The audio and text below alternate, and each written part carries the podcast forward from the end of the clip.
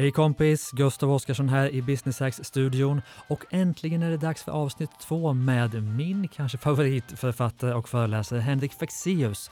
Och jag älskar ju hans bok Konsten att få mentala superkrafter och i det här avsnittet kommer Henrik att avslöja sina absolut bästa tips för att bli så mentalt starkt man bara kan. Så tuna in, luta dig tillbaka och njut av Konsten att få mentala superkrafter med Henrik Fexeus.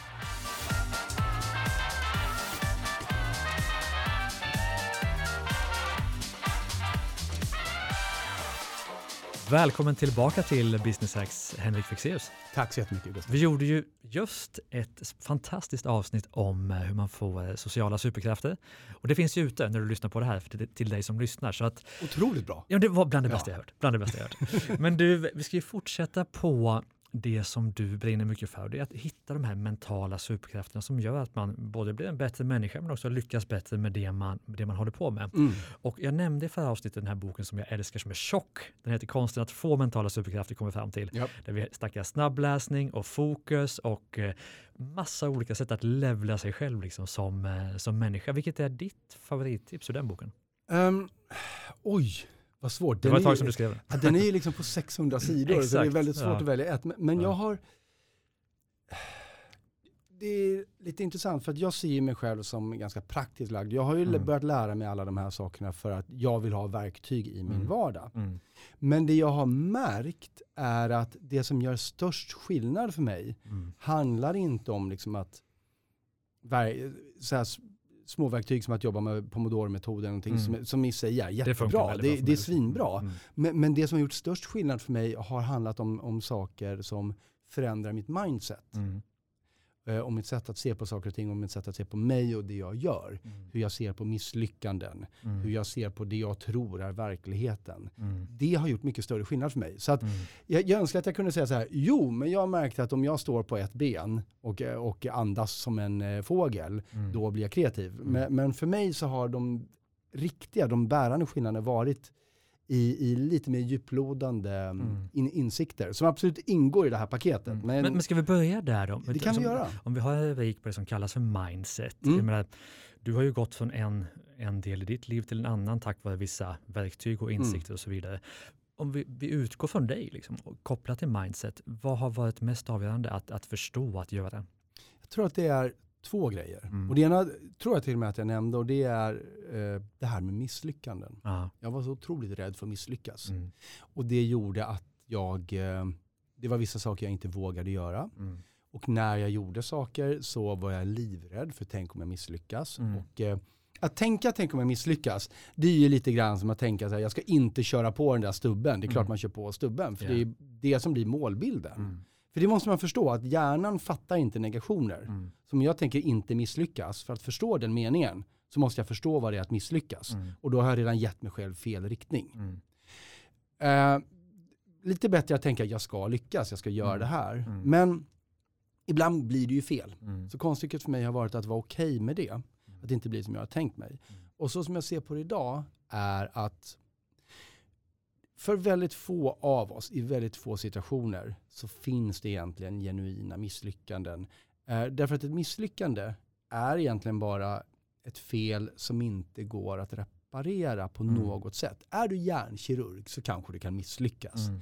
Men oftast så eh, har vi chans att göra om eller göra på ett annat sätt. Mm. Så det jag har lärt mig att se är att jag har en målbild. Jag har en ambition. Jag ska mm. skjuta den här pilbågen och jag ska träffa pilen i mitten. Jag utför min ämnade handling. Jag skjuter pilbågen och jag får ett resultat. Pilen fastnar. Mm. Antingen så kommer det resultatet stämma överens med min målbild. Bra. Eller så gör det inte det. Och om det inte gör det, då har jag fått jätteviktig information mm. inför nästa gång. Oj, jag drar långt ut till höger ja, då måste jag korrigera det till vänster nästa gång jag ska skjuta. Så det kommer passa närmare min målbild. Eller kan jag inte korrigera min handling, då kanske jag måste korrigera min målbild. Det kanske inte är realistiskt för mig. Jag tror att jag hamnar där i mitten. Det där högerpartiet där, jag kanske ska försöka se om det är någonting jag kan jobba med, för det verkar vara där jag landar. Mm. Så det finns egentligen bara resultat och information som eh, ger dig viktig data inför dina fortsatta handlingar. Mm. Och när, när jag går ut på scen i, i mina föreställningar, då går jag ut på scen varje kväll för 500-800 personer mm. som har vikt sin kväll och betalat dyra pengar för att se mig på scenen. Samtidigt vet jag att på grund av hur mina shower är byggda så är det någonting varje kväll som inte kommer gå som jag vill. Mm. Det har till och med hänt att... Och det vet ju inte publiken. Nej. De kommer ju inte se det. Nej. Nej. Mm. Eh, eller det, om, om, om jag låter dem se det. ja. Men det, ja. det, har hänt att det har varit så här, du vet, det blir oreparerbar skada. Att, mm. att det blir slutnumret inte mm. funkar. Om jag ser det som ett misslyckande, mm. då blir det ju bara jättedåligt och jättejobbigt för mig och hela publiken. Men lite som vi var inne på i förra avsnittet, om jag istället kan ta det och se det som information. Oj, det blev så här. Vad spännande. Det här numret ska jag nog aldrig göra igen. Jag äger den situationen. Jag tar också mm. med mig vad som gick fel till nästa kväll. Mm. Då är alla fine med vad som hände. Mm. Och jag har fått jättevärdefulla insikter mm. Om mitt fortsatta arbete. Mm. Så, så jag försöker att aldrig tänka på misslyckande. Jag tänker på resultat, mm. eller jag tänker på ambition och resultat och, och, eh, och vad det är resultatet och vilken paritet det står i till min ambition. Mm.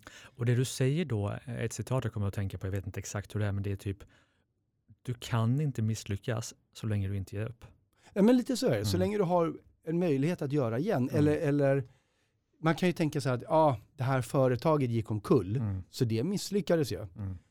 Ja, fast vad var det som misslyckades? Det som hände var att det företaget inte funkade. Mm. Men det är ju jättevärdefull information. Mm. Att det där går inte, för då mm. vet, nu vet du vad du inte ska göra. Mm. Så att, att göra om betyder inte att man gör samma sak igen. Det kan betyda att man gör någonting annat istället. Men så länge du kan fortsätta göra något, så ditt första då, kopplat till mindset, ditt ja. första förhållningssätt är ditt synsätt på misslyckande. På misslyckande. Finns inte. Det finns resultat. Mm, Ambition och resultat finns. Men du hade en till? Ja. ja. Och den här är en jättegrej. Mm. Det här räddade hela min, äh, mitt förhållande med min fru faktiskt. Mm. Och för så här är det, att vi går omkring genom livet och så händer någonting och så reagerar vi på det som har hänt känslomässigt och så äh, agerar vi utifrån det. Och om vi reagerar negativt på någonting, då kanske vi också får en negativ handling som reaktion. Eh, ja, men så här, det klyschiga exemplet är väl att chefen hälsar inte på mig på morgonen. Jag tänker att åh nej, hon är arg på mig, jag kommer få sparken. Och så panikäter jag en låda Ben Jerrys på, på kvällen, mm. säger vi. Mm. Och eller min, eh, min partner slänger sina strumpor på golvet varje, varje dag när jag kommer hem fast jag säger att jag tycker det är äckligt att han gör det. Eh, och då som, som hämnd, eller jag känner att han respekterar inte mig som människa och som hämnd så eh, flörtar jag med Bengt på julfesten. Liksom. Mm. Men det är inte vad som händer. Mm. Vad som händer är att det sker en händelse. Vi gör en tolkning av vad den händelsen betyder. En tolkning informerad av de värderingar vi har med oss, vår uppväxt, vår kultur, vad våra föräldrar lärt oss, vad vi lärde oss i skolan, det samhälle vi lever i, mm. Eh, den världsbild vi har. Och så tror vi att den tolkningen är sann. Och utifrån den så får vi en negativ känslomässig reaktion. Och märker vi att vi får negativa känslomässiga reaktioner som vi också agerar på, då kan det vara värt att backa och titta på vad var det som hände och vad var det för tolkning jag gjorde av det. Mm. Det som hände var att chefen inte hälsade. Min tolkning min verklighet, för vi gör det så fort. Mm. Så vi tror att det är verkligheten. Men min verklighet sa mig att det här betyder att den här människan är arg. Och då är det viktigt att ställa sig frågan, kan det finnas andra verkligheter, andra tolkningar av det här beteendet mm. som inte skapar den här negativa reaktionen hos mig? Och man behöver inte tro på någon annan mer än min. Mm. Det räcker med att förstå att det finns andra. Mm. För att nolla den här negativa reaktionen och helt eh, eh, frigöra sitt eget liksom, mentala space. Jag har just nu på mig en t-shirt där det står uh, “Never assume”. Mm. Och, och, det är för att påminna mig själv om det hela tiden. Mm. Och det du kan ju också välja vilken tolkning du vill göra. Det kan man också göra, eftersom tillbaka. man inte vet mm. vilken som är mm, sann. Mm. Och det här kan man även hjälpa andra med. Jag satt mm. i en, uh, en taxi från Arlanda, hade varit ute och föreläst någonstans. Mm. Ska åka hem och det är, det var före pandemin. Och det var tjockt från Arlanda. Mm. Och vägen är tvåfilig och det var liksom kö i båda filer. Vi låg redan ute i vänster fil. Så det var vår taxi och så var det en bil till och så var det en till taxi från samma bolag. Och framför den där första taxin så var det en stor vit skåpbil. Mm. Och den där första taxin en bit framför oss, han försökte liksom ta sig tillbaka in i högerfil för att köra om den här skåpbilen och sen vidare. Men det gick inte för det var ju fullt i båda filer, det kröp fram. Men han ändå skulle ut och trixa och ja, han körde lite småfarligt. Mm. Min taxichaufför började bli mer och mer förbannad på sin kollega där framme. Mm. För att, hur vårdslös han körde. Jag vill inte ha en arg taxichaffis. Mm. För någon som är arg, är full med adrenalin, är inte lika rationell, är en mm. sämre förare. Mm. I den här trafiksituationen vill inte jag ha en dålig förare. Mm. Så jag hjälper honom just med det här, för jag inser att hans tolkning är ju att han har en, en slarvig kollega. Och då säger jag till honom, men du, du kan ju absolut ha rätt att han är en otroligt drullig förare. Mm. Men det skulle ju kunna vara så att hans kund håller på att föda barn i baksätet. Mm. Det är osannolikt, men vi vet ju inte. Vi, kommer ändå, vi passerar ju Karolinska sjukhuset. Mm. Om du hade haft en kund som, kör, eh, som födde i baksätet, eftersom vi ännu inte vet, mm. hur hade du kört då? Ja, ja, det är klart. Och så skrattade han och lugnade mm. ner sig och jag fick en mycket tryggare färd. Mm. Det är liksom den lilla nivån på det. Mm. Den stora nivån på det är, eh, som jag nämnde med min fru, som jag inte var min fru då. När jag plötsligt insåg att den här kvinnan som jag hade levt ihop med i tio år, som är helt fantastisk, hade fått ett personlighetsdrag som inte jag klarade av. Nämligen att hon behandlade mig som ett barn, hon tillät mig inte lösa mina egna problem, hon respekterade inte mig som en vuxen människa. Jag kan inte leva med en sån person. Och det gick så långt så att jag höll på att göra slut på vår långa relation. Mm. För att jag upplevde att hon inte respekterade mig. Tills jag en dag frågade mig själv, men vänta nu. Har hon sagt till mig att hon inte respekterar mig? Mm. Nej, det har hon inte. Så varför tänker jag det då? Jo, för hon gör det här och det här. Okej. Okay. Men, men de handlingarna i sig säger ju inte det där. Det där är ju min tolkning av hennes handlingar. Mm. Finns det nämligen att hon väldigt, väldigt snabbt ville lösa alla mina problem åt mig. Det var det hon gjorde. Väldigt manligt beteende. Mm, jag känner igen mig. Ja. Men finns det, finns det ett annat sätt mm. att förklara det då? Som kan ligga mer i linje med att mm. det jag har tänkt att hon är en kärleksfull omtänksam mm. person. Ja, det kanske är någon form av så här lite överslag av omtanke. Att hon inte vill att jag ska må dåligt. Så mm. därför vill hon lösa allt. Ja, och jag vet ju inte vilka, som du sa Gustav, mm. jag vet ju inte vilka de här som är sanna. Så det finns ingen anledning för mig att vara övertygad om att det negativa plötsligt är sant. Mm. Bara för att min hjärna har en lite negativ bias kring mm. allt som händer. Mm. Och det räddade relationen för att jag insåg att jag hade misstagit mina hjärnspöken för verkligheten. Mm. Och jag trodde också att vi hade ett problem. Vilket vi inte alls hade, det var ju bara jag som hade ett problem. Mm. Hon hade ingen aning om vad som pågick. Mm.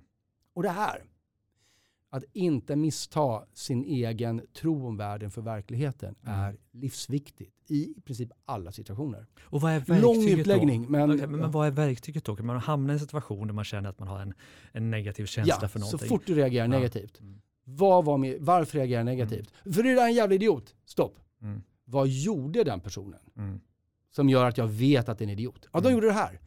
Kräver det att det är en idiot mm. eller finns det en annan förklaring? Ja, men de kastar en tårta i ansiktet på mig, det bara idioter som gör det. Ja.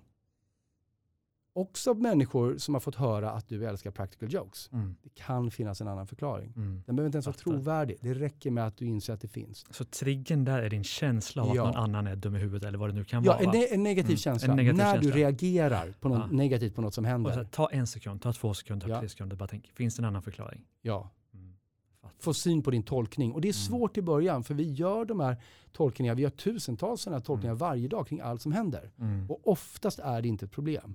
Men om vi reagerar negativt, eftersom det kan leda till en negativ egen handling också, mm. så kan det vara värt att stopp. Vad är min verklighet och vad så? Mm. Men är det inte skönt där då, i alla fall de gånger du har möjlighet att också ställa frågan, också vara ärlig, jag uppfattar den här tårtan på ett väldigt negativt sätt. Men du mm. kanske inte menar det så. Mm. Du får gärna förklara hur du menar det så jag Absolut. förstår. Hur, hur, ska man hantera det?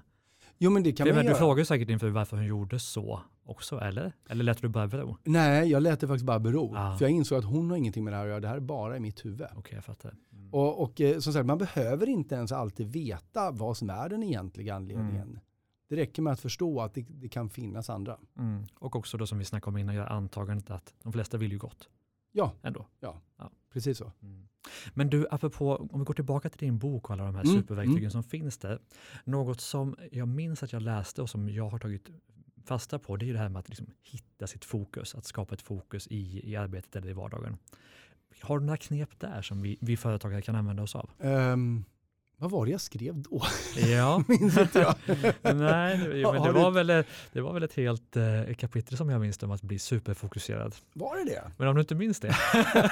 Kanske det var. Så, så, jag börjar fundera på vad, vad gör jag för att hitta mitt fokus? Ja. Um, Nej men handlar det om distraktionsmoment och sånt? Eller? kan det ju mycket väl göra. Och ja. eh, det kan ju handla om, om allt möjligt att hantera stress. Och liksom att, vi kan väl börja i, om, vi kan en lite bredare fråga så får vi se vart du landar i ja, tanken. Då. Ja. Men, men, för att bli sitt bästa jag, om vi tänker liksom arbetsmässigt, att få mm. saker att hända, att hitta mm. fokus, att hantera stress. Finns det där något som kommer top of mind, liksom att det här använder du som verkligen har funkat? Mm. Några grejer. Vi, mm. vi nämnde pomodoro-metoden förut. Mm. Jag vet inte om det heter pomodoro eller pomodori. Jag, oh, tror jag, som jag använder det i alla fall. Ja. ja. Eh, pomodoro. Ja. Ja. Eh, den tycker jag är super, super bra. Vi kan gå igenom det lite kort bara för de som inte känner till. Mm. Och vad det handlar om är, är att man insett att det, det, är alltid svårt att börja med någonting nytt. Mm. Och samtidigt är pauser bra. Mm. Så pomodoro-metoden, och du får rätta mig om jag slarvar lite nu, men mm. så som jag använder den är att när jag känner att jag behöver ta en paus, mm. att jag aldrig gör klart, utan mm. att jag ser till att jag bryter i någonting som jag håller på med. Mm. Därför att då är det mycket, mycket lättare för mig att gå tillbaka och börja jobba med det igen. Jag mm. slipper den där, okej, okay, nu ska jag ta tag i den andra grejen, vad var nu det då? Mm.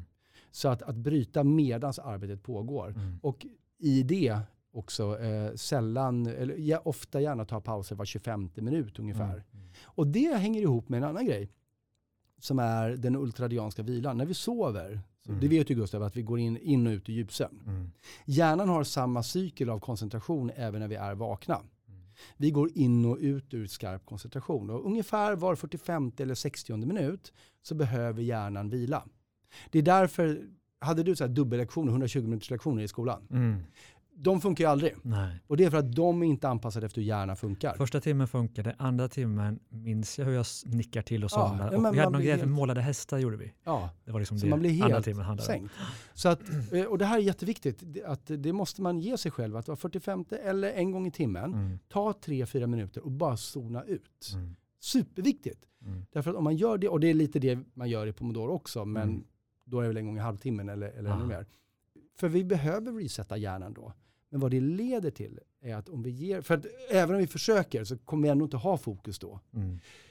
Och vad det leder till är att hjärnan går att hålla igång mycket längre utan att vi tröttar ut den. För vi ger den den här fokusresetten en gång i mm. timmen. Mm. Och sitter man på en arbetsplats eh, och eh, folk undrar vad man håller på med när man sitter där och bara stirrar ut genom fönstret så kan man alltid bara säga att man tänker på ett problem eller någonting. Mm. Det är viktigt förstås att inte göra det. Mm.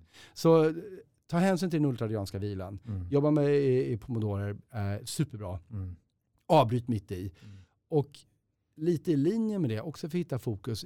Jag tycker ju om när jag har massa endorfiner och dopamin och grejer mm. i kroppen. För det, det är positiva hormoner, det är glädjehormoner som, eh, som motiverar mig mm. helt enkelt. Och ett sätt att eh, boosta sig själv med det, som mm. inte tar så lång tid, är det som jag kallar för mikrolycka. Mm. Jag och eh, Katarina Enblad skrev en bok som heter Reload, mm. som handlar just om hur man så här, återladdar kroppen och hjärnan blixtsnabbt. Mm. Eh, en mängd olika tekniker och det här är en av mina favoriter.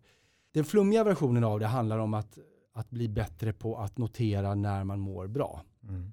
Eh, för vi mår bra, vi är med om positiva saker mycket, mycket oftare än vi är medvetna om. Därför att vi är ofta redan framme i tanken att, att vad jag ska göra härnäst, så jag mm. tänker inte på hur jag mår nu.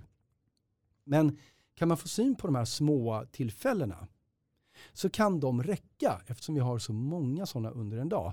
Och jag insåg det här när jag, men det var en vårmorgon, jag går upp i tunnelbanan och tre saker hände samtidigt och det är den här trippelkombon som gör att jag bara wow, vänta vad hände nu? Mm. Och det var att det kom på min favoritlåt i mina lurar. Mm. Första vårsolen slog emot mig i ansiktet och jag insåg att det här kaffet som jag har köpt är väldigt gott. Mm. Jag fick ett så här lyckorus för att jag mm. stannade upp och tänkte på de här tre sakerna. Mm. Så varje gång man inser att man mår lite bra, stanna. Vila i det. Känn, vad är det mm. som jag gör att, att jag känner mig positiv just nu. Det kan vara att, att det här kalla vattnet i den här koppen var precis vad jag behövde. Mm. Men landa lite i det i tio sekunder innan du går vidare. Mm. För det ger en enorm boost av de här hormonerna som är bra för oss. Mm. Och igen, det kan vara svårt att hitta innan man har börjat leta. Eftersom vi är så ovana att vara här och nu mm. i sådana mikrostunder. När jag skrev om det här i boken, faktum är att när jag satt och skrev det så tänkte jag, men ljug jag inte nu. Mm. Här sitter jag och skriver om att vi varje dag positiva. Men jag har inte varit med om någonting positivt idag. Hur mm. kan jag skriva det här? Mm. Och medan jag har de tankarna så inser jag att jag sitter och gungar med foten. Varför gungar jag med foten? Jo, för att jag gillar den här låten som går i bakgrunden. Mm. Så att jag satt alltså och hade en positiv upplevelse medan jag tänkte att men jag har inte mm. upplevt någonting positivt idag. Så att det gäller verkligen att stanna och där är ju kroppen en bra, en bra signal. Mm. Om jag märker att jag ler, om jag märker att jag nickar med huvudet i takt till någonting, så här, vänta, mm. vad, vad, är det jag, det här beteendet, mm. vad betyder det? Jo, det betyder förmodligen att jag är glad. Varför är det? Är det? Jo, för den här grejen var bra. Mm. Bra, låt mig njuta av den då. Mm. Jätte, jätteviktigt. Mm. Spännande. Finns det fler, om vi tar en Henrik Fexeus-dag, liksom, du har din turné, du mm. skriver böcker, du föreläser och, och allting du gör. Finns det fler verktyg, om vi tar liksom dina, dina hacks, dina rutiner en vanlig, en vanlig dag, mm. som du använder dig av? Alltså allt från kalldusch till meditation till att gå upp tidigt till att pomodoro-metoder till vad det nu kan vara. Finns det fler saker att, att hämta ur ditt digra arkiv um, som du använder själv dagligen? Ja, uh, jag tycker också att man ska vara snäll mot sig själv. Uh. Speciellt om man, om man jobbar hårt eller är entreprenör eller vad det än kan vara. Mm.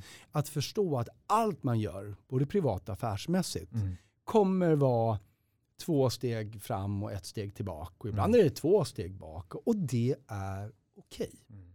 Så att man inte blir stressad över att jävla skit den här dagen blev inte som jag hade tänkt att den skulle vara, nu är allting förstört. Mm. Eller eh, vad vet jag, ja men jag som skulle tänka på kosten mm. och så åt jag pizza i, idag, ja ja då är det förstört, nu kan jag lika gärna äta en tårta och choklad mm. också. Bara, nej, det är okej okay mm. att det fuckade upp lite. Mm. Det får göra det.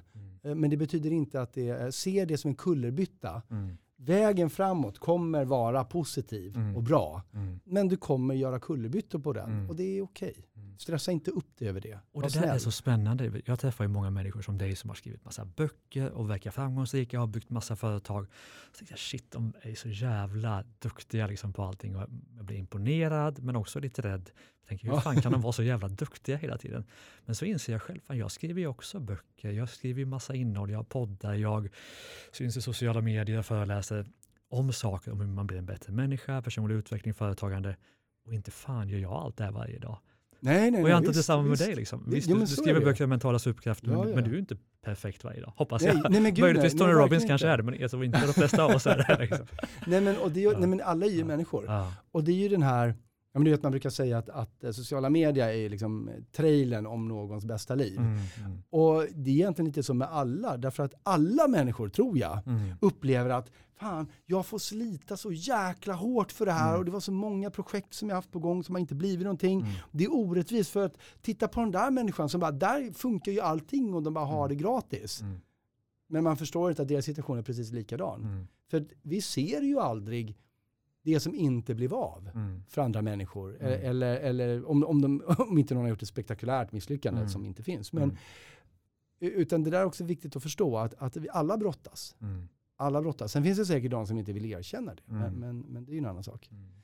Och, eh, och det här med, oh, det var någonting jag ville säga om det här med kullerbytten också. Uh, ja, och att alla, att alla gör kullerbyttor. Alla gör alla råkar ut för saker som inte var det de hade tänkt att de skulle göra. Och det är inte, ja men du vet, det är som Batman. Som Batman. Mm. Eh, det handlar inte om att vi trillar för alla trillar, det handlar om hur vi reser oss. Mm. Verkligen. Apropå det här med fokus som vi inte kom in på, ja. som, som jag gärna ville komma in på. Hur viktigt är det att ha ett fokus i taget? Jag tror det är olika från person till person. Mm. När jag och Camilla sitter och skriver till exempel, mm. jag har, eh, eller jag ska backa lite, jag ska säga att fram till att vi bör, innan vi började skriva mm. så hade jag sagt att det är jätteviktigt mm. att eh, ha ett fokus i taget. Och det är därför som eh, mobiltelefon och sociala, sociala medier och så vidare är livsfarliga för oss. Mm. Därför att det tränar vår hjärna i att hela tiden skanna av vår omgivning för att vi kan bli meddelande någonstans. Mm. Även om jag inte får ett mess just nu så kan det plinga till i min telefon eller det kan dyka upp en notis på datorskärmen och hjärnan vet det här. Och det innebär att vi har har man mätt blivit sämre mm. på att tillåta oss längre tankebanor, eh, få en djupare förståelse för saker och ting. Därför att vi förutsätter att vi kommer bli avbrutna. Mm. Och det är problematiskt. Därför att det finns vissa saker i vår omgivning som kräver en viss eftertanke, som kräver en djup förståelse för att vi ska kunna hantera det på ett vettigt sätt. Så det är, det är någonting man behöver verkligen fundera på.